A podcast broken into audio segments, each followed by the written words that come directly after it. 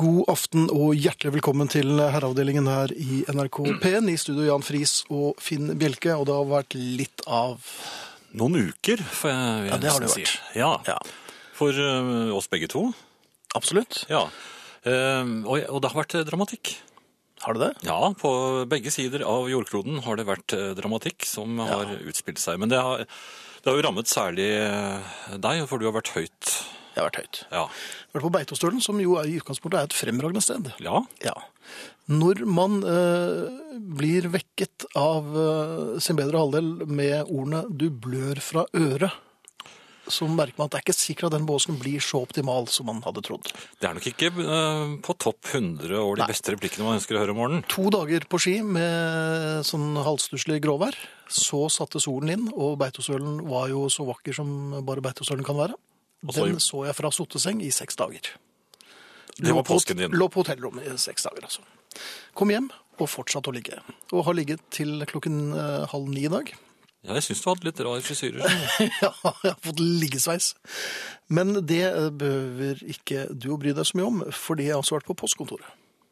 Det klarte du! Ja, dette var rett før påsken, før trommehinnene sprakk. Ja. Ja. Og der var det nemlig noe som ventet på deg. Det var noe som ventet på meg. Ja. Det var noen plater, faktisk. Um, veldig ofte, og dette har vi snart om før, at man blir stående og stirre på nummerlappen.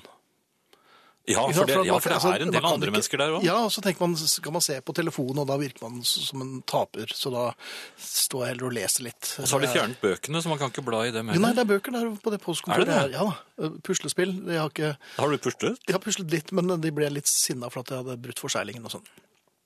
Eh, Men man stirrer på dette, eh, på den nummerlappen.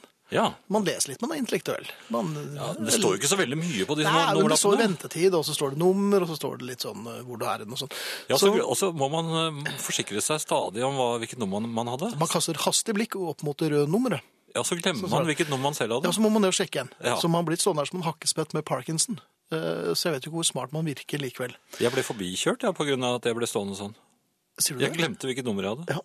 Ja, men, Men, men, men noen ganger så går det sent. Det går veldig sent noen ganger. ja, det er jævlig Og kjedelig. hva- hva har man som våpen som postkunde? Svært få våpen. Ja, har man våpen? Ja, det har man. Man har ett. Jaha. Man stirrer ganske hardt på den lille svette nummerlappen man holder i hånden. Ja, det gjør man. Så stirrer man ganske lenge og hardt på det røde nummeret som ikke eh, beveger seg i det hele tatt. Altså det, det er ingen progresjon. Det står 97 hele tiden.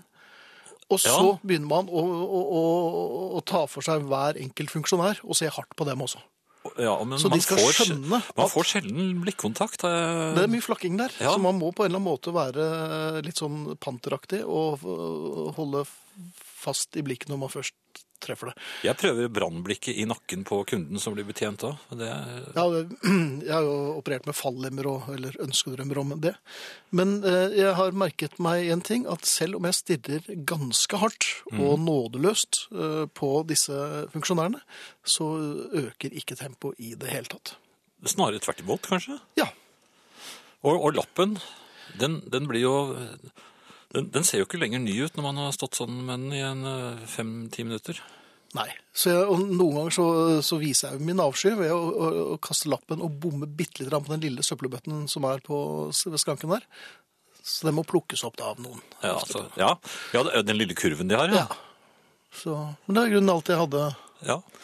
Det er Men så det er en dag på postkontoret. Ja, det er akkurat det der. Det er én dag på postkontoret. En hel arbeidsdag.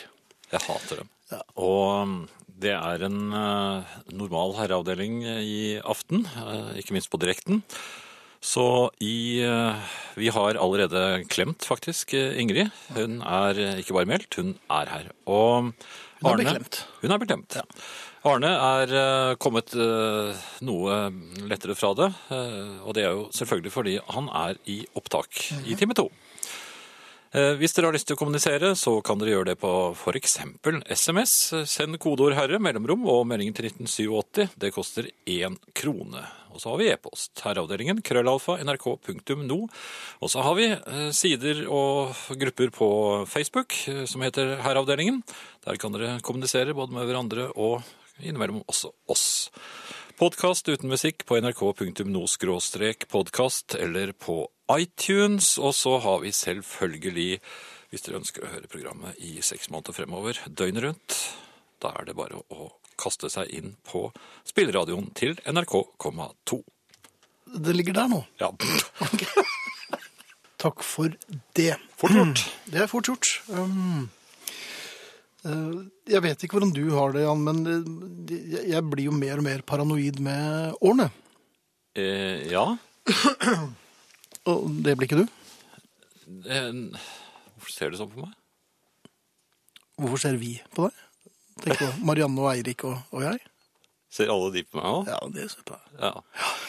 Um, det hender jo at man uh, må ta en telefon, også i butikken, kanskje for å ringe hjem for å høre Hva man skal ha. Er du helt sikker på at du ikke skal ha noen marsipanpølser? For eksempel det. For eksempel, ja. ja. Bare for dobbeltsjekk, altså. ja. Eller at vi heller skulle ha dem enn eh, salathode. Ja. Um, og så når man er ferdig med telefonen, så legger man den i lommen. Ja, det gjør man. Men hva tenker du på når du legger telefonen i lommen i butikken? Nå legger jeg telefonen i lommen i butikken, er det det du tenker på? Nei, jeg tenker som regel ikke i det hele tatt. Så det, det er ikke alltid jeg finner den. For det er ikke alltid jeg har lagt den i lommen. Nei, men du har den jo i hånden, du skal legge den ned i lommen. Ja, men noen ganger så Finner du ikke lommen? Jo, men jeg husker ikke at jeg la den i lommen. Altså, det er en sånn ting man gjør uten å tenke seg om. Som regel, Aha. da. Helt automatisk. Det gjør ikke jeg, vet du. Du tenker alt Ja. Ja vel, så du er alltid Jeg blir observerer deg fordreid selv. av dårlig samvittighet. Når du legger vekk telefonen. Det kan se ut som en liten uh, konjakkpølsesnabb eller eh, kanskje en liten boks Nugatti. Og da tenker jeg, er det, har det vært en eller annen uh, aknebefengt eh, ekstrahjelp som har sett at jeg la telefonen i lommen og tror at det kanskje var en pølsesnabb? Ja, eller en boks Nugatti. For det, Eller en boks Nugatti? Ja, for det, mobiltelefoner er jo til vek forveksling lik pølsesnabber og bokser med Ja, særlig Nugatti. Jeg vet ikke hvor mange ganger jeg har brølt inn i Nugatti-boksen. Jeg har sett, nå er dette, noe det tid, å, er dette noe tid å å komme hjem på? Ja. Ja. Men eh, jo, men jeg skjønner hva du mener. Altså, du, du får du, du er redd for at de skal tro at du eh, rett og slett eh, nasker. Ja. Ja. Så derfor eh, kunne det vært like greit å kanskje bare levert mobilen eh, på mm, Altså ved kassen når du går inn. Og så får du den når du går ut, og så slipper du Ja, dette her eh, Du kan jo, du kan jo eventuelt, altså Alternativet er jo at du leverer fra deg pølsesnabben idet du kommer til kassadammen. Hva har du sånn nå, Jan? At du, at du rett og slett leverer pølsesnabben. Det var det jeg syns du sa, skjønner du. Nå kommer Ingrid øyeblikkelig. Jeg syns disse dagene jeg har ikke vært i herreavdelingen har gått veldig, veldig fort. ja, ubegripelig fort. Ja. Og skikkelig tromlom, for nå er Ingrid tilbake. Jippi! Hei. Jeg sa Hei. tromlom. Jo, tusen Ja. takk. Takk for det. Jan, du har press i skjorta di. Er det... Jeg har vært, Har du vært i strykeskapet? Yes. Ja, nettopp. Jeg kunne tenke meg det. Det er fint å være her. Det har hopet seg opp nå. Det Har det klumpet seg litt? Ja, jeg syns det. Jaha. Det var jo altså Både har jeg tilbrakt hele påsken sammen med en helt ny indianergutt. Det er for så vidt den samme lyset, men denne gangen hadde, dro han på en liten snue. Jeg vet ikke om du har vært borti det, Finn? Litt. Ja. Så, så det var rett og slett snørrbukk jeg gikk tur med i påsken. Ja, snørrbukk. Det var spennende. Var Man vil jo ikke bære sånne ting selv. Nei. Så du gikk fra lortefot til lortefot til snørrbukk? Ja. ja. Så, og Snørrbukk han går jo primært og, leter, og, og lytter etter annen manns motorkjøretøy. Det er det han ute i skogen og hører på traktorer som driver med ting. Jaha. Ja, Spennende. Men han har skarpe ører. Han har skorpe i ørene. Ja, han har Ja da, han har det. Og et lite drypp under nesen. Men nok om det. Eh, vi har nylig, svært nylig faktisk, denne helgen eh, avviklet mor Bjørnovs 80-årsdag. Ja, Ja, du er verden, flott. hun Hurra! holder seg godt. Ja, ja, ja. Gratulerer, mor ja, Bjørnov. Mor Bjørnov er eh, i forrykende god form. eh, Tidligere norgesmester i øvelsen stille høyde. Ja. Men i den forbindelse, den festen skulle vi ha hjemme hos oss. For det er såpass høyt under taket. at Ja, og Drift er jo god på sånt. Ja, det er han. Ikke sant? Han, og det av og til veldig god, og kanskje litt tidlig ute. Det han kom kan sammen nok være prematur. Ja, det kom samme periode som han begynte å dunke på barometeret, så kom jo dette Start i god tid. Og jeg begynte å skrive lister. Det er mitt bidrag. ikke sant? Liste. Det er jo så fint å ha en liste. Ja, de er fine. Men De er så, morsomme å skrive òg. Ja, og så tenker måte. du nå skal jeg, denne dagen skal jeg planlegge godt, for jeg hadde jo vært ute og trallet litt og kom som vanlig litt seint. Eh, Da jeg kom hjem, Ja. da hadde da hadde han bestemt at festen skulle avvikles i mitt arbeidsrom. Altså, Det er jo din mor. Kontoret for de innvidde, eh, atelieret for det utenforstående. Eh, det er romslig der. Det er det. Det kom litt brått på meg En ting er at det var en god idé, for jeg skjønte at det var en god idé, men han var litt tidlig ute, så han hadde begynt å flytte på tingene mine. På ditt rom. På mitt skrivebord. Det blir omtrent som å ommøblere hos Stevie Wonder. Det er ikke uten risiko å begynne å flytte, og jeg trodde vi var ferdig med den diskusjonen. Ja. Altså, Har en, punkt én, jeg elsker deg, men ikke ta på tinga mine. Punkt to, ikke flytt på tinga mine. Og punkt tre, ikke flytt på de tinga tinga mine ligger på. Altså skrivebordet og stolen og teppet og hylla og kommoden og alt som var på, på, på hylla over skrivebordet. Og, og hvordan skal jeg gripe om dette? Doktor Bjelke, Jeg skal doktor Friis. ikke pretendere å være en enkel sjel og komme den klisjeen der, men hvorfor i hule heiteste kan ikke Drift få lov til å flytte litt på tingene når det skal feire din mor? Skal vi rydde litt på skrivebordet ditt også samtidig? Veldig gjerne, takk. Og ha det på ditt kontor? Det, Og bare raske sammen alt som ligger på skrivebordet ditt. Litt forskjellige sendinger i samme bærepose, f.eks. Åssen hadde det vært fint? Nei, jeg skjønner Ingrid, jeg. Faktisk. Jeg skjønner Ingrid! Hvorfor ser du sånn på meg? da? Ja, det er ikke bare jeg som ser sånn på Jo, meg. Jo, dette er jo tretrinns. Altså, ikke fordi jeg, jeg jeg skal ikke si at jeg kunne vært en kandidat sånn litt langt ut på lista til de som lager sånne programmer som folk, folk som horder bitte lite grann hjemme, hvis du legger alle mine post-it oppå hverandre. Nei, jeg, jeg holder med Ingrid. Helsedirektoratet har ikke vært på mitt skrivebord. Min kone sa til meg da jeg reiste på påskeferie uh, alene, Ja. at jeg kommer til å kaste en del ting. Sånn. Ja, det var det siste jeg hørte. Vielsesattesten. Så da er mitt spørsmål okay. eh, til familien er rett og slett altså, hva, hva, er det vi ikke skal dele? hva er det vi ikke kan røre? Punkt 1 til 5. Vi snakker ekteskap 10-20-30 år. Hvilke av tinga mine skal du holde deg unna? Jeg vil begynne med sysaksa. Det er mitt punkt 1. Sy- Sysaks kan ikke brukes til sånne til ståltråd eller driftsaktige ting, og i hvert fall ikke papir. Og deg, Jan? Singelplatene mine. Ja. Og da får jeg bare kjøre pølsesnabben Ja. Her kommer Amy Herreavdelingen. Krøllalfa nrk.no. Og Ingrid, vi får ikke lov til å verken ta på Er det greit om vi ser på det, eller? Ja, men det er ikke meg. Du må ta, både ta og se på meg, men det er tinga mine. Nå var du litt sånn sjøgaktig. Bare, bare ta og se på meg. La tingene mine være. At det rykka, jo, men vi var i disse festforberedelsene, ikke sant? Ja, Jan? Vi har faktisk fått eh, en som har satt opp en liste på fem her over ja, ting Ja, som ikke kan røres. Ja. Frode i Vestfossen skriver én Kanalrekkefølgen på TV-en. to Metalldetektoren. Oi! Han har det òg. Tre Dronen. 4. Seteinnstillingene på, i bilen min. Og fem Hellige tidspunkter som tirsdag klokken 22.03. Godt. Er Frode gift? Ja, ellers hadde han ikke lagd denne listen. Det er noen andre der, ellers hadde han ikke trengt den Nei. lista. Jeg, jeg tror den dronen er ganske viktig, selv om den er bare på tredjeplass. Ja, dronen min får det aldri. Ja. Men, men altså, mor Bjørnov ble jo feiret. Og det gikk veldig fint. Det var, altså, men det er, i disse, det er i disse forberedelsestimene, fordi drift er relativt organisert, og jeg er relativt seint ute. Så jeg med å jeg hadde jo en flott liste over ting jeg skulle gjøre. Jeg er jo damaskansvarlig, og jeg sto til knes i gelatin for å lage et eller annet jeg ikke visste hva skulle bli. Dessert. Det er sånn som ofte havner på oss mindre kyndige. ja. Og så lagde jeg en liste. Skriver liste over ting jeg skal gjøre. Ja, der er du Og så begynner jeg å gjøre noe annet. Og da krymper ikke den lista. Da får jeg ikke strøket ut. Okay. Så da gjør jeg ting som ikke står på lista, og når jeg har gjort det, da skriver jeg dem på lista for å stryke dem ut. ja, det er eh, genialt. Doktor. Jeg tror Freud har en teori om dette her. Men det var en praktfull liste. Vi har kommet til to punkter. Jeg Ja. sa sysaks. Eh, Jan sa singelplater. Hva sier du, Finn? Nei, jeg tror rett og slett altså ehm, Knotten til nettbanken. Uh, nå, er jeg, nå er endelig Nå er det Java-helvete blitt Nei, borte. nei, det er tilbake. Du må ha en eldre utgave av Java for å komme inn i mitt noteprogram.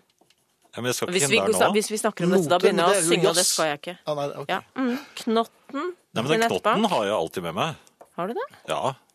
Tenk om noen tar den, da. Nei, fordi jeg har den skjult. Men får hun røre den? Ja, men hvorfor skal hun røre den? Det er fordi at hun skulle hjelpe deg med nettbanken. Jeg lurer på om jeg rett og slett bare skal lese fra en svært skolert eh, lytter. Kom. Jeg skjønner, Finn jeg.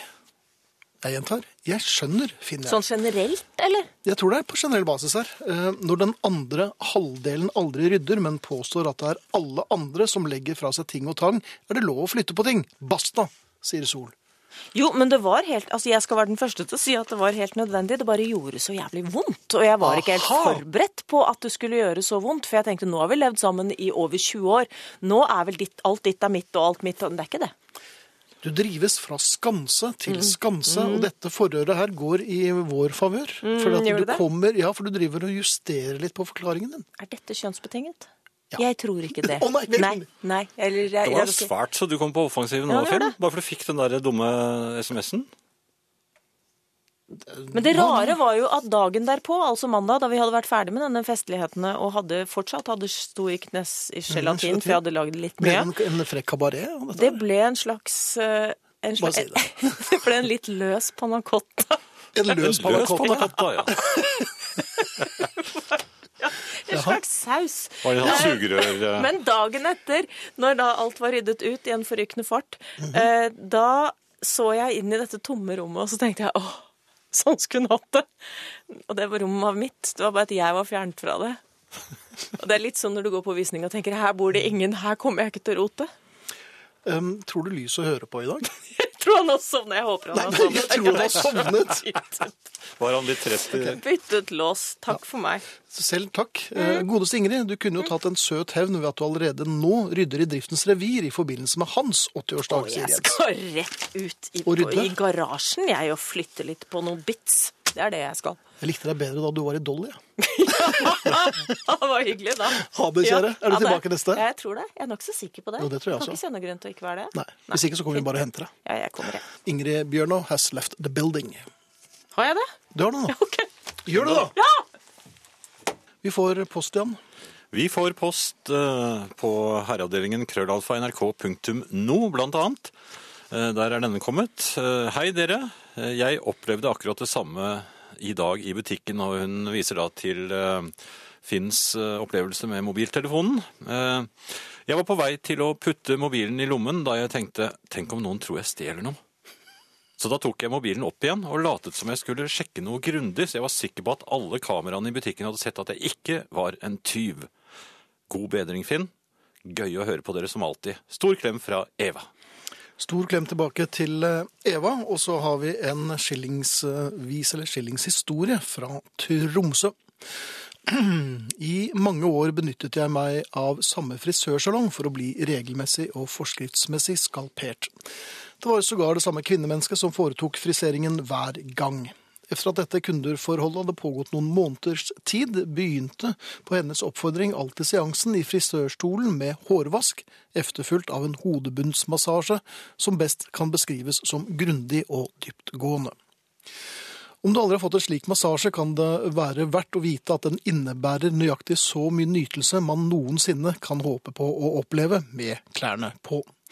Tidvis kom jeg sant å si i tvil om hvorvidt det var moralsk riktig av meg å betale for slik behandling. Efter litt lettvint rasjonalisering landet jeg ikke uventet på at frisøren bare gjorde jobben sin. Ikke bare var det svært hyggelig å møte opp til det månedlige klipp, det ble, det ble snart en eh, smule kostbart også. Dessuten ble baderomsskapet på rekordtid fylt opp av fancy sjampoer, balsam, voks og what not, som jeg strengt tatt hadde klart meg fint uten. En bekjent kunne fortelle at frisører som jobber for de store kjedene får bonus dersom de selger et visst volum av utvalgte hårpleieprodukter. Man kan trygt si at jeg hadde falt for et av de eldste triksene i boken. Gi en mann en flik av velvære, så har du fri tilgang til pengene hans. Jeg skammet meg over å være så lettlurt, og lot håret vokse friskt. Efter noen måneder ble jeg imidlertid lei av å se ut som en overvintret hippie. Heldigvis fant jeg fort ut at byen vrimler av billige og funksjonelle frisørsjapper, der innehaverne som regel stammer fra Iran, Marokko eller fjellstrøka innafor. Jeg besøkte en av disse og ble umiddelbart en stor fan av deres rudimentære forretningsidé. Opp i stolen, lynrask klipp, betale nærmest symbolsk sum og ferdig med det. Og best av alt, ikke noe snikksnakk om tørr hodebunn eller sjampo med helbredende, evne, helbredende evner. For å være ærlig var det knapt noe service å snakke om heller, man, om man ser bort fra velkommen og takk for besøket.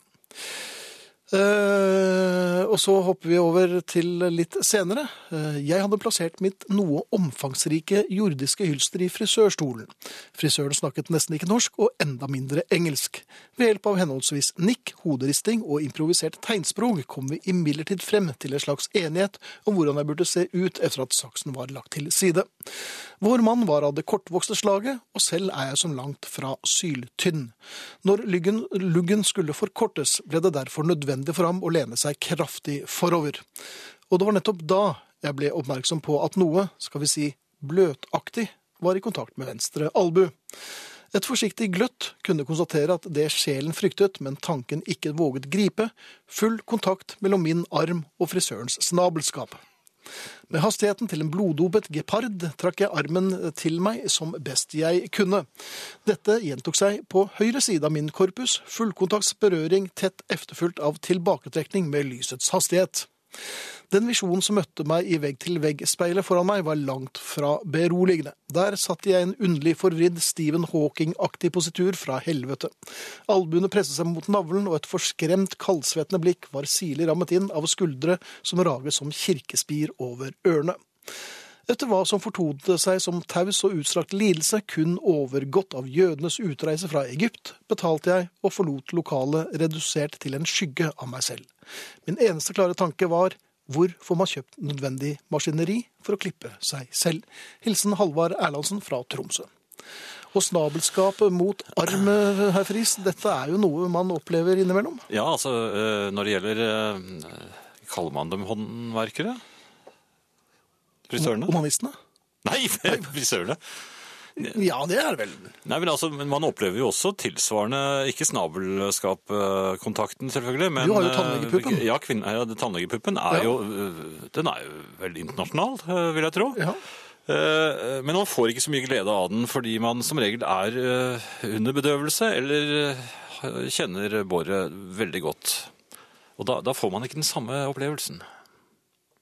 Så jeg vet ikke hva jeg skal si til uh, Halvard. Jeg tror jeg vil gå tilbake igjen til den første, for jeg syns den uh, hodemassasjen hørtes veldig god ut. Den, den, det får man i Kina. Mm -hmm. uh, Der får man også sjampoer som uh, ja, noe rimeligere sjampoer, og så kan man også Fjerner hodebunnen og det øverste laget av jordskorpen. Og enkelte kunder blir eh, spurt om de vil gå til et rom ovenpå. For de er så fine på håret. Ja. Ja, sier du det? Ja. De har aldri spurt meg, altså, men jeg, Nei.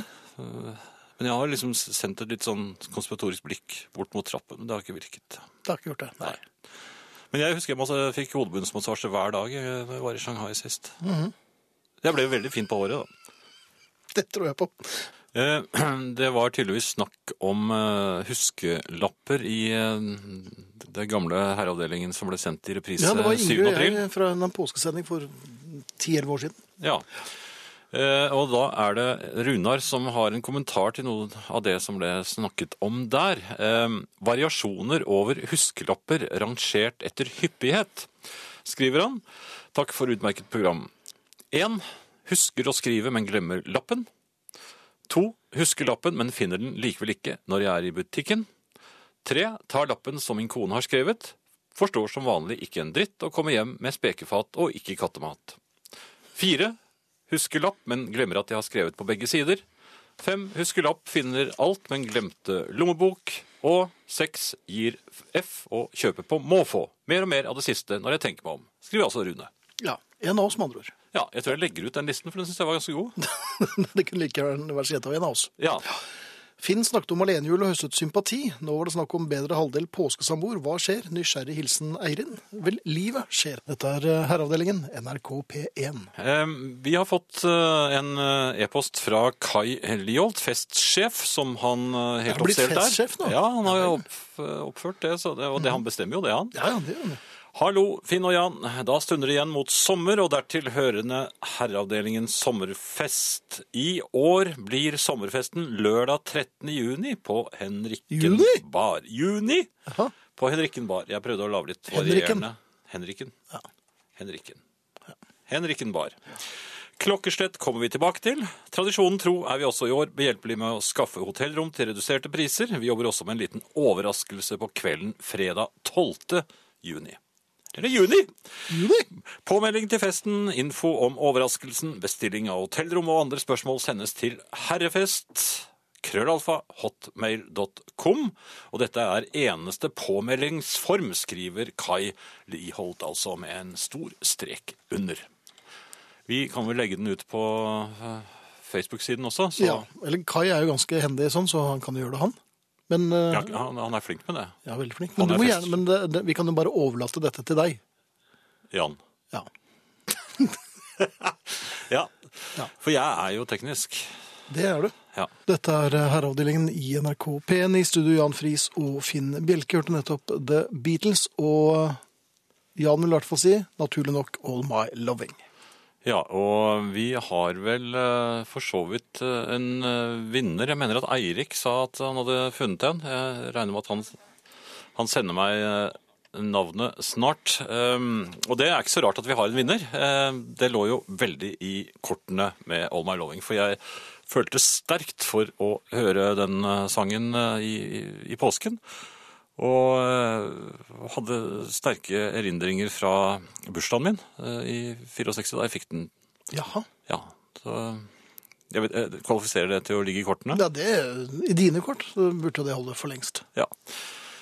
Ehm, jeg kan jo gå videre eh, mens jeg er i gang. Jeg hadde en, eh, en ja, hva skal jeg si for noe, U, uvelkommen uh, våropplevelse i, i dag, selv om det var en vinterdag i, i Oslo-området. Ja. Eh, hvis du tenker deg, ja, Du bør ikke tenke altfor detaljert, men altså jeg satt på det lille rommet og ville ha litt kvalitetstid eh, for meg selv. Toalettet. Ja. Da, akkurat da jeg uh, for så vidt uh, var i en situasjon hvor man bør bli sittende, hørte jeg umiskjennelig brumming i, eh, fra et eller annet sted. Jeg klarte ikke helt å bestemme hvor. Når du sier brumming som, en, som et dyr, som brummer, Ja. bjørn, eller som en maskin? Nei, som et dyr. Eh, bjørn er veldig nær, eh, for humlene er jo den flyvende bjørn. Og eh, Nei, det er det vel ikke. Jo, de er store. eh, Og denne brummingen kom nærmere og nærmere. Og, og det var ganske ubehagelig når du da eh, for så vidt ikke kan gå noe sted. For jeg turte ikke å røre meg, jeg måtte være årvåken. Eh, For det var helt tydelig at den var, om ikke i rommet, så vil den være det snart. Og jeg tenkte, hvor kommer den fra? Så hørte jeg eh, en sånn lyd som humler laver når de eh, fly, flyr seg fast. Når de flyr seg Når humlen flyr seg fast, da kommer det en spesiell lyd. Ja. Ja. Eh, Det er en sånn eh, brrr, Den lyden. Da ringer ingen bjeller her. Jo, den det, Da har den truffet et eller annet, og, og, det, den har, og det den hadde truffet, var bunnen av kanalen. Det er en kanal, vet du, det, ofte på bad. I Ja, sa han belærende. Ja. Ja vel. Eh, og så eh, kom den inn i rommet. Inn i rommet, ja. Ja. Humler er, særlig disse vårhumlene, er Det er, De flyvende bjørner. Ja, de er veldig store. De er veldig store. Eh, Et sted mellom en golfball og en tennisball, vil jeg vel nesten si. Eh, Ja, pluss vinger, så det er et vingespenn som en ørn. det, dette var faktisk andre humlen i år. Den første kom rett inn på kontoret mitt eh, efter midnatt, Ja, uten avtale. uten avtale. Og eh, hvis du er på et lite rom eh, midt, midt på natten når det er mørkt ute, og det kommer en humle inn, da vet du at du har tapt. Jeg visste med en gang at nå er det leggetid. For den hornen får du ikke til å fly ut av vinduet igjen. Og den er for stor til at jeg vil gjøre noe vondt. Eh, Og den er stor nok til at den vil gjøre meg noe vondt. Så jeg måtte bare forlate rommet, slå av lyset og lukke døren. Dette kunne jeg ikke gjøre på toalettet. Nei. Nei. Så uh, fra det, uh, i det ene øyeblikk, altså kvalitetstid med, jeg må innrømme det, jeg satt og leste i et cowboyblad, og Satt og leste et cowboyblad? ja, Jaha. det er det samme som jeg, du har jo et liggende ved siden av deg nå. Ja. Ja. Jeg satt og, øh, og hygget meg med det, og trodde jeg hadde kvalitetstid. I neste øyeblikk øh, så er 101 ute. Jeg var nødt til å, å gå til angrep med cowboybladet, og fikk buksert til slutt øh, hummelen ut, i, vinter, ut i vinteren. Og øh, da oppdaget jeg plutselig at jeg sto i, fri utstilling til øh, nabohuset. Som, der sto det noen på verandaen. For de lurte på hvor det ble av humlen de hadde sluppet løs. De lurte sikkert på hvor det ble av meg, for jeg var lydrask da jeg oppdaget at det sto det der. Ja. Gikk du da ned i hockey, eller? Jeg, jeg gikk ikke bare ned i hockey, men jeg eh, ble, ble stående ganske lenge eh, i håp om at eh, For hvis jeg skulle reise meg opp for å lukke vinduet igjen, så ville jeg bli synlig. Ja, Prøvde du å lirke en arm opp og lukke vinduet? Nei, jeg ventet veldig lenge, og så så etter om kysten var klar. Hvordan gjorde du det? Nei, Det er det vanlige, sånn eh, det ene øyet over eh, vinduskarmen. Ja, men øyet er jo fremdeles situert midt i ansiktet, så det, det så vel hele pannen Men det gjør det jo på film òg. Altså, det, det har jeg lært av film, at tyskerne ser deg ikke før, før det andre kommer frem. Så ett øye, da er du trygg. Ja. Ja vel. Nei, men også det var greit. Ja, jeg har ikke noe mer der. jeg. Nei, kanskje Men det gikk bra til slutt. Det endte vel, altså. Eh, I påsken så var jeg i utlandet. Eh, Du vært i utlandet. ja. Eh, der har de eh, Altså i dette utlandet, så, som jeg er veldig ofte, så eh, er jeg, er, er jeg så fortrolig med systemet at jeg ikke får noe særlig angst.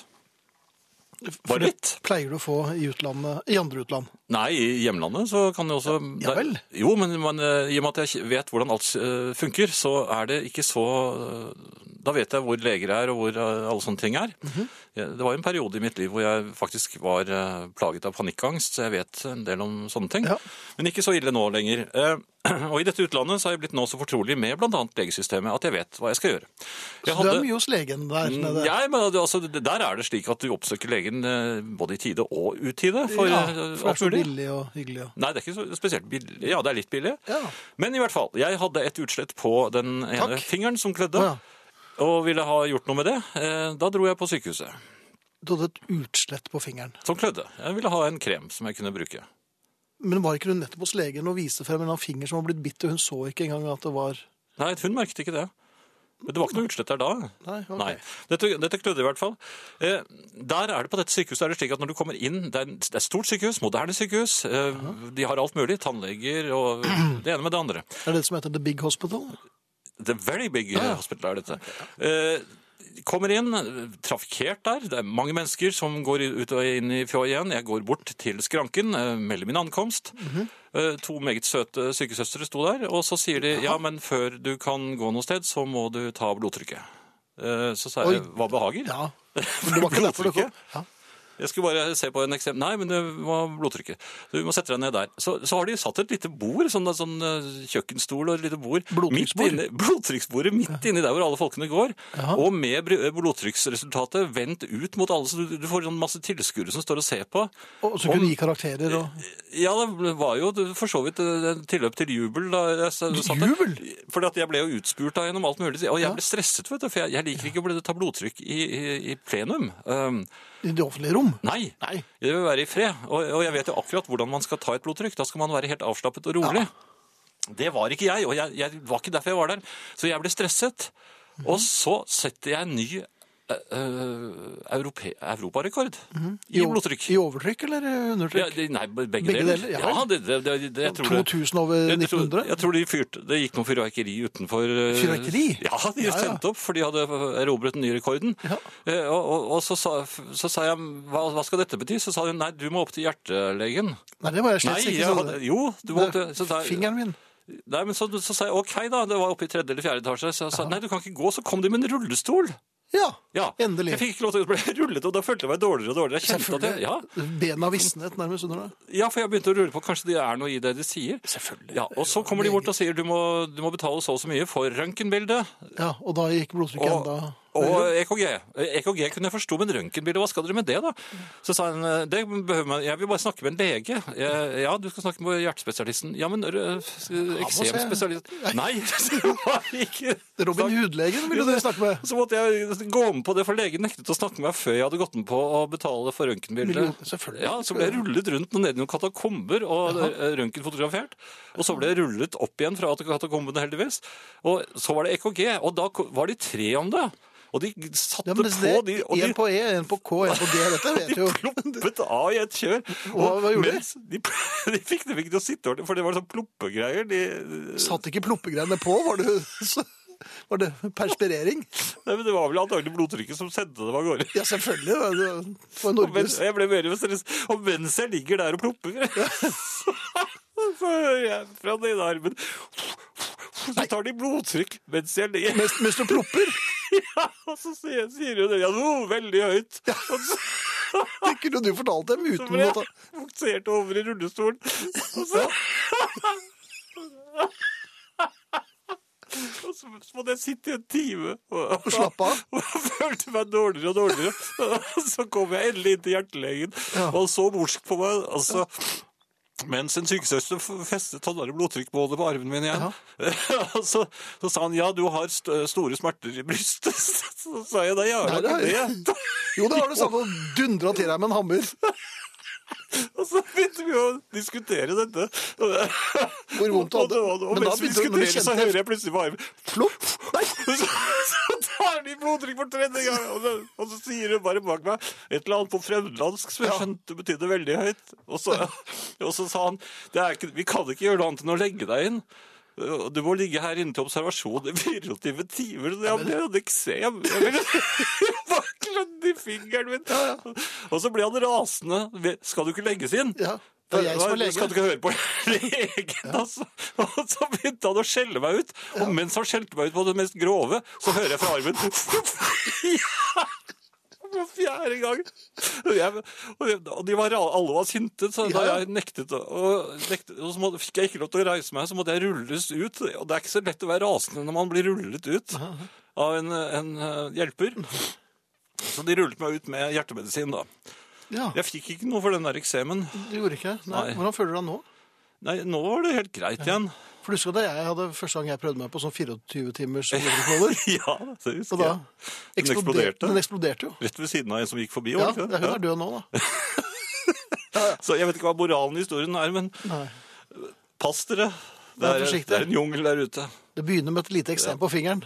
Og så når de begynner med den plopperne, da er det gjort. Da er det gjort, altså. Her kommer Tsepav, anført av Carol Decker. Jeg kom i skade for å fri til henne under et eh, intervju hvor man hadde forfrisket seg litt. Eh, Gitaristen, hun var gift med gitaristen som satt ved siden av henne. Ja, Det gikk dårlig med disse frieriene dine på den tiden. Tanita Tikaram vet du, var jo også litt uinteressert. Hun var litt interessert, for jeg hadde jo med bok og alt mulig til henne. Men... Jeg trodde jeg hadde draget Rosi- på Rosivela. Rosivela, Det gikk veldig bra en stund, skjønner du. Vi var, sto ute i en sånn, en sånn, ut på en eng ved et vann, og de spilte eh, Det satt et lite strykeorkester oppe på en liten flåte og spilte. Ja. Ja, eller har jeg drømt det? det tror jeg du Nei, det, jeg gjorde det fordi vi ble avbrutt. Av dette orkestret? Nei. Nei. Akkurat da det var på sitt mest uh, Smektende? smektende, ja. eh, Så, så eh, hører jeg no, en som kauker, som de sier oppe i Trøndelag. Og så kommer han løpende. Diesel Dahl. Ja. Da var det gjort. Det er ofte gjort når diesel kommer kaukende. Ja. Ja. Jeg fridde jo til Kim Wilde òg, det var heller ikke noe vellykket. Jeg, jeg, jeg prøvde å fri til Sam Brown, men jeg, jeg kjente at eh, jeg, det, der la jeg ikke hele hjertet i det. Nei. Nei. Damer merker sånn, vet du. Ja. Eh, noe helt annet, Finn. Mm, gjerne det. Eh, hvor gjør folk av alle tingene sine nå for tiden? Jeg observerte Jeg var ute og gikk. Eller jeg var ute og gikk. Ja. Og da observerte jeg i en rekke stuer mens jeg spaserte til bilen, at de, de har jo ingenting der inne. Det står bare noen stoler, og så har de hver sin laptop og så et par telys, og så ser det ut som de koser seg. Min eh, teori her er at altså, denne minimalismen, Ja. mangelen på bokhyller, Ja. dette kan bli veldig, veldig, veldig farlige mennesker. Jeg roper et høyt varsku her. Ta dere en tur rundt i nabolaget og øh, observer. Spioner. Ja. Ja. Altså, helt nakne stuer og folk som ser ut som de koser seg. Jeg tror ikke det er mennesker. Jeg tror det er aliens. Basert på at de ikke har bøker. Blant annet, ja. Jaha. Ja, men de har, det er ofte, det er ikke bild, nå så er det bilder på veggen heller. Er, altså, de- liker at det ikke er noe der. Dette er ikke mennesker. Nei vel. Nei, dette er ikke mennesker. Sann mine ord, et eller annet kommer til å skje, og det ganske snart. Eh, efter meg kommer syndefloden. Eh, eller Nei, det gjør den vel ikke. Arne Hjeltnes, da. God kvelden. Vi lever i ei spanende tid. Det skjer mye, og det skjer fort rundt oss hele tida. Mobiltelefoner og elektriske biler. Ting vi ikke ante vi skulle få oppleve. Du kan på noen timer komme deg til andre sida av kloden, og du kan sjøl velge hva du vil se på fjernsynet ditt. Utviklinga er enorm. Sjøl på små steder i landet vårt kan du nyte eksotisk mat fra både Mexico og Kina. Og på ei helt vanlig datamaskin kan du bestille varer som ikke engang fins i Norge. Det er klart vi lever i en spanende tid. Kanskje den mest spanende gjennom hele soga. Og når vi fra tid til annen blir minnet på saker og ting, tradisjoner fra gamle dager, er det ikke fritt for at vi ler litt, eller synes synd på de stakkarene som levde da. Hardt arbeid, ikke iPad, dårlig utvalg i butikker, for ikke å snakke om før butikkene kom, lange reisetider med hest og kjerre, trekkfulle hus og dager som hadde liten variasjon, ingen sydenturer eller jentekvelder på byen.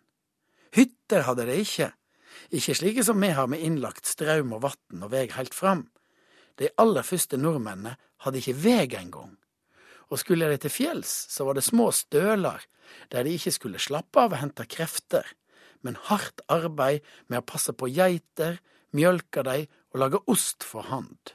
Det er klart vi er takksomme for at vi lever nå, og ikke da. Men er det sikkert at vi er så mye mer avanserte enn våre forfedre? Klokere? Vi har flere ting, men har vi mer oppi bollen? De store, smarte oppfinningene i verden er det tross alt våre såkalla primitive forfedre som har pønska ut. Jeg tenker på hjulet, båten, klippfisken, fyrstikkene, ølet, bålet og klesplagget. Det kan hende at noen og enhver av de såkalte primitive hadde noen gode tanker der de satt i den mørke håla si. De tenkte nok mer òg, tenker jeg.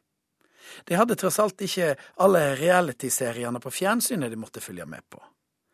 For noen år siden lagde jeg en serie om arkitektoniske meisterverk fra fortida, og reiste til Nan Madol i Stillehavet, som er en slags Venezia der de bygde 90 øyer og kanaler med steinbjelker som vog opptil flere tonn, og dette bygde de for 1200 år siden. Et mesterstykke som ingen skjønner hvordan de kunne bygge med de enkle midler de hadde den gangen, og som vi sannsynligvis ikke hadde klart å bygge i dag. Vi drog ut på en atoll langt ute i havet der de levde om lag som på den tida. De måtte legge seg når det ble mørkt, for de hadde ikke strøm, og de åt fisk, kokosnøtter og gris.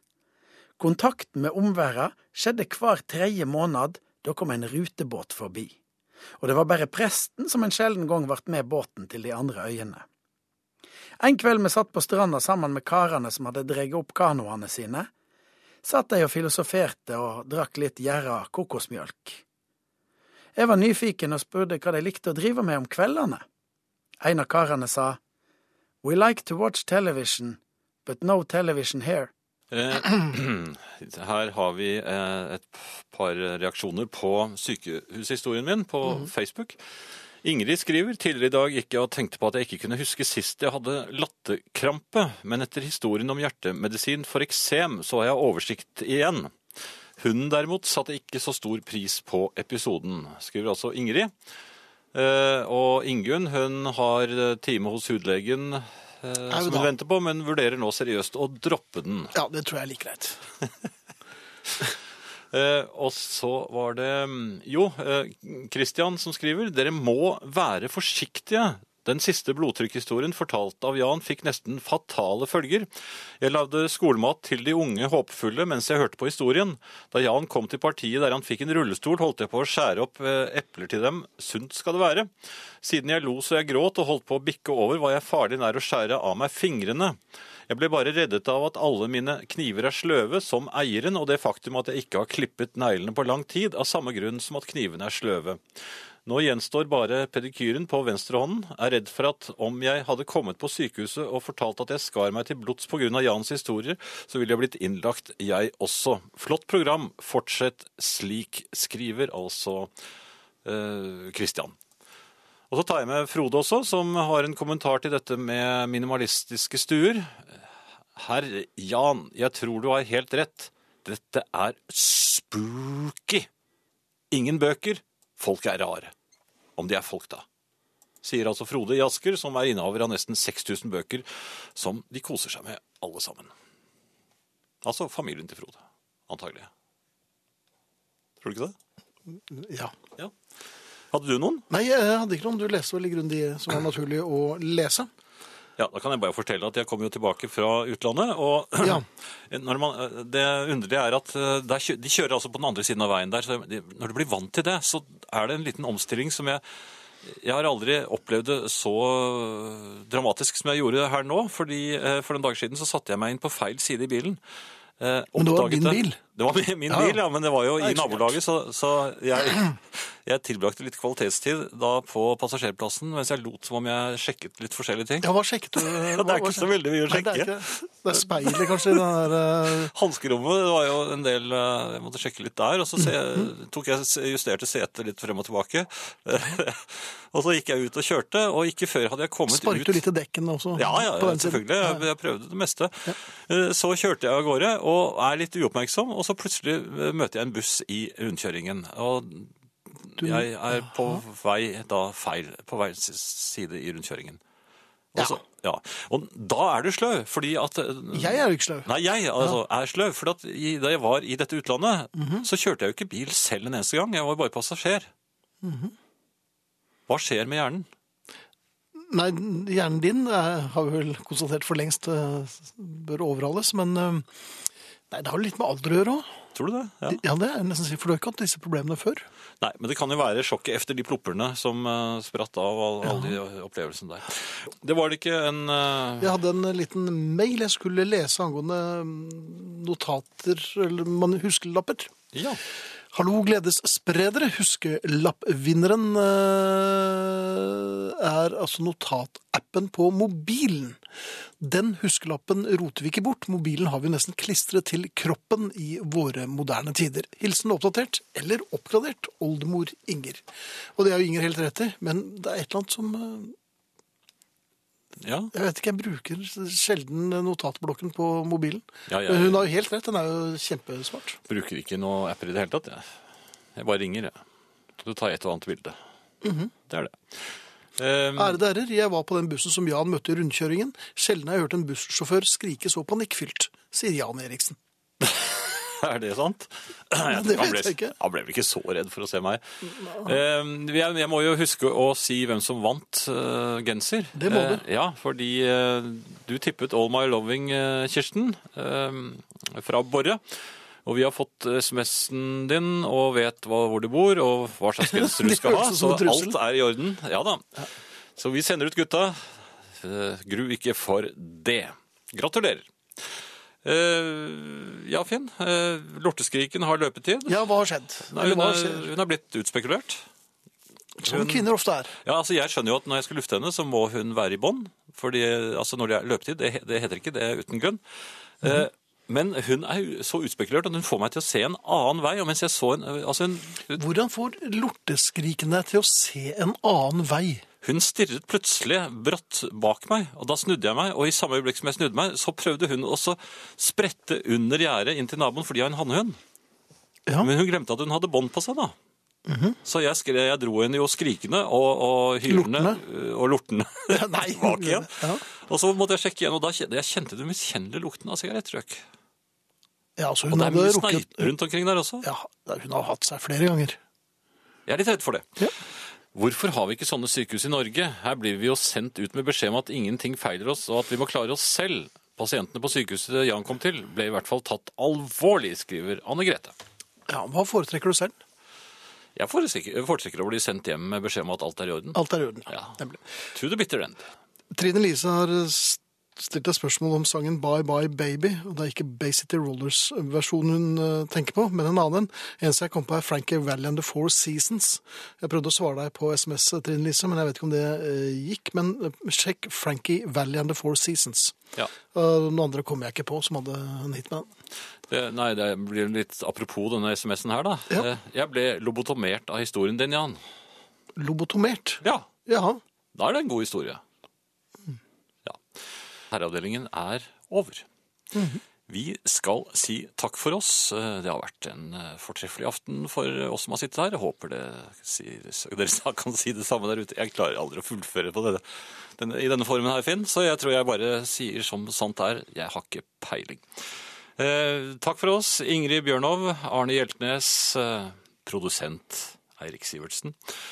Eller som vi også sier, Eirik Sivertsen.